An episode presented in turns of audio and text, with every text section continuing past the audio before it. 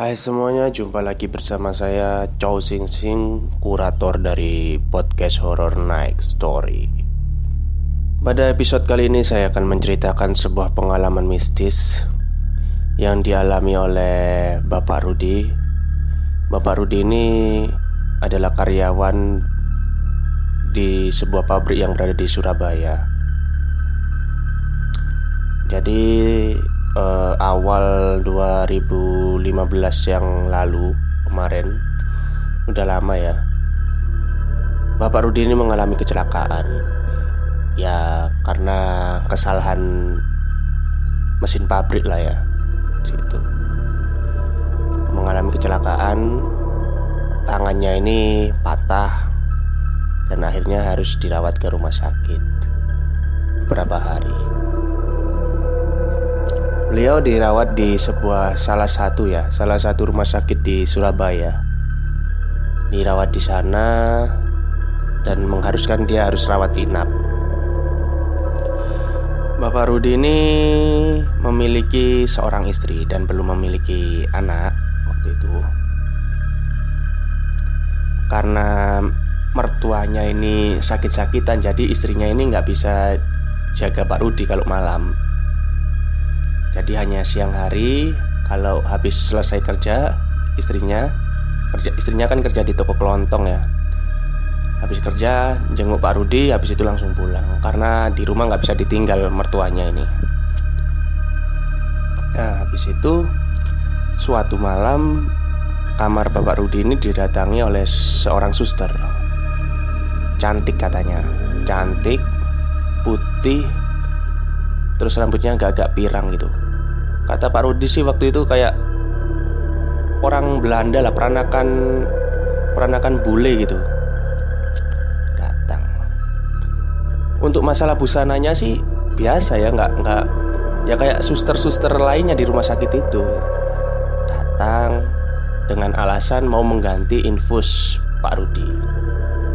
Nah Pak Rudi kan ngomong loh Ini baru diganti tadi pagi sus Masa sudah habis loh? Coba dilihat pak. Dilihat ternyata sudah habis infusnya Oke lah. Akhirnya waktu ngotak-ngatik itu Pak Rudi itu lihat terus. Terus selesai ngotak-ngatik infusnya itu Si suster ini ngomong ke Pak Rudi e, Selamat ya pak. Besok Anda sudah bisa pulang.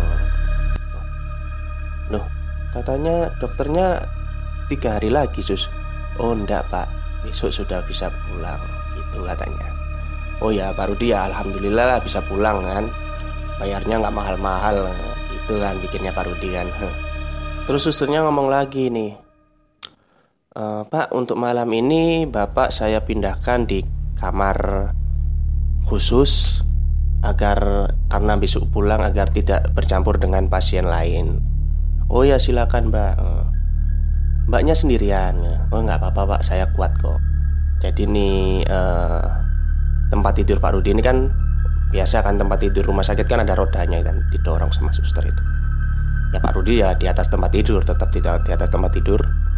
Saat perjalanan itu ya Perjalanan itu Pak Rudi itu kayak Merasa merinding gitu loh kan harus melewati lorong-lorong gelap rumah sakit. Seperti itu kan gak ada orang sama sekali cuma dia sama suster itu doang gitu kan. Terus Mbak Rudi itu mencium bau-bau wangi. Dari kayaknya sih dari arah suster itu katanya Pak Rudi waktu itu. Tapi baunya itu nggak bau-bau kayak kemunculan makhluk halus enggak nggak nggak bau-bau melati enggak wanginya itu wangi-wangi beda gitu katanya Pak Rudi di bawah muter muter kok lama sih gitu kan ini kamarnya sebelah mana sus gitu? Bapaknya tenang aja dan istirahat kata susternya tadi. Nah sudah sekian lama muter-muter akhirnya berhentilah di sebuah pintu ruangan ya Pak Rudi dan suster tadi. Terus si suster tadi pamitan e, Pak mohon maaf ada barang saya yang ketinggalan jadi saya harus ambil sekarang. Bapak tunggu di sini ya. Pak Rudi yang jawab sih. Oh ya sus, oke. Okay. Ditunggu, tunggu lama, ada sekitar satu jaman ya. Kok nggak datang-datang sih si suster ini? Kata Pak Rudi. Pak Rudi ini nggak sengaja kan waktu tengok kanan tengok kiri lihat ke arah pintu ruangan tadi tempat berhenti uh, kasurnya tadi dilihat terus di atasnya kan ada papan nama nih. Ada tulisannya nih. Kamar jenazah. Luh ya kaget dong Pak Rudi kan? Si suster ini ngawur aja masa saya berhenti di sini? Ya karena saking takutnya Saking paniknya akhirnya Pak Rudi ini turun dari kasurnya terus mau balik ke kamarnya yang tadi gitu.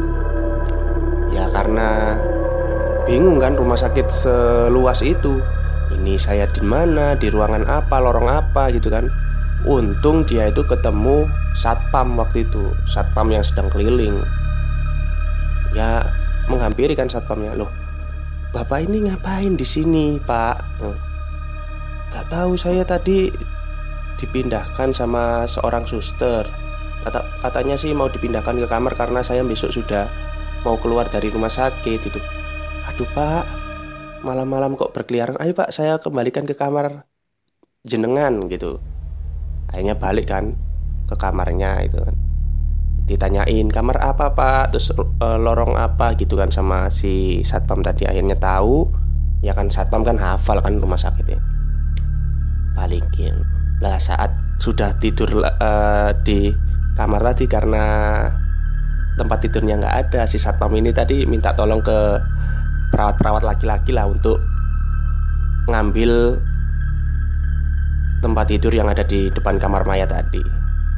Udah dimasukin terus tidur. Nggak tidur sih nggak omong-omongan sama si satpam tadi. Terus si satpam tadi itu tanya sama Pak Rudi Bapak kok bisa sih sampai sana tadi? Gitu kan. Wah nggak tahu mas. Saya ini cuma nurut sama si suster. Suster Ya mas. Katanya saya ini besok sudah bisa keluar. Lah dia itu mau mindah saya ke kamar khusus katanya. Buat besok biar gampang diambil gitu loh mas. Biar nggak tercampur dengan pasien lain. Susternya kayak gimana sih pak? Disebutin kan ciri-cirinya sama si Pak Rudi tadi. Terus akhirnya si Pak Rudi ngomong Saya ini sudah tujuh tahun pak di sini Dan belum pernah menemui suster yang ciri-cirinya seperti yang bapak sebutkan tadi Suster di sini rata-rata ya kayak orang Indonesia Maksudnya itu nggak ada yang se uh, seperti Bapak Rudi sebutkan kayak bule, kayak Belanda itu nggak ada pak. Rata-rata Indonesia semua. Gitu katanya si satpam tadi. Nah, terus itu siapa pak? Ya, ya saya nggak tahu pak. Mungkin sih penunggu rumah sakit ini karena kan dulunya rumah sakit ini juga bekas Belanda juga kata si satpam tadi. Oke, terima kasih semuanya karena sudah mendengarkan kisah mistis yang dialami oleh Pak Rudi yang saya ceritakan tadi.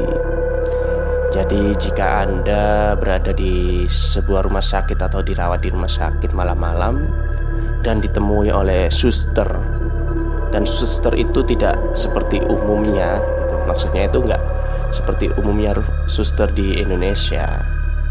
Ya, Anda berdoa saja lah semoga bukan barang-barang halus gitu kan dan terima kasih sudah terus mendukung podcast horor saya kepada subscriber saya. Terima kasih.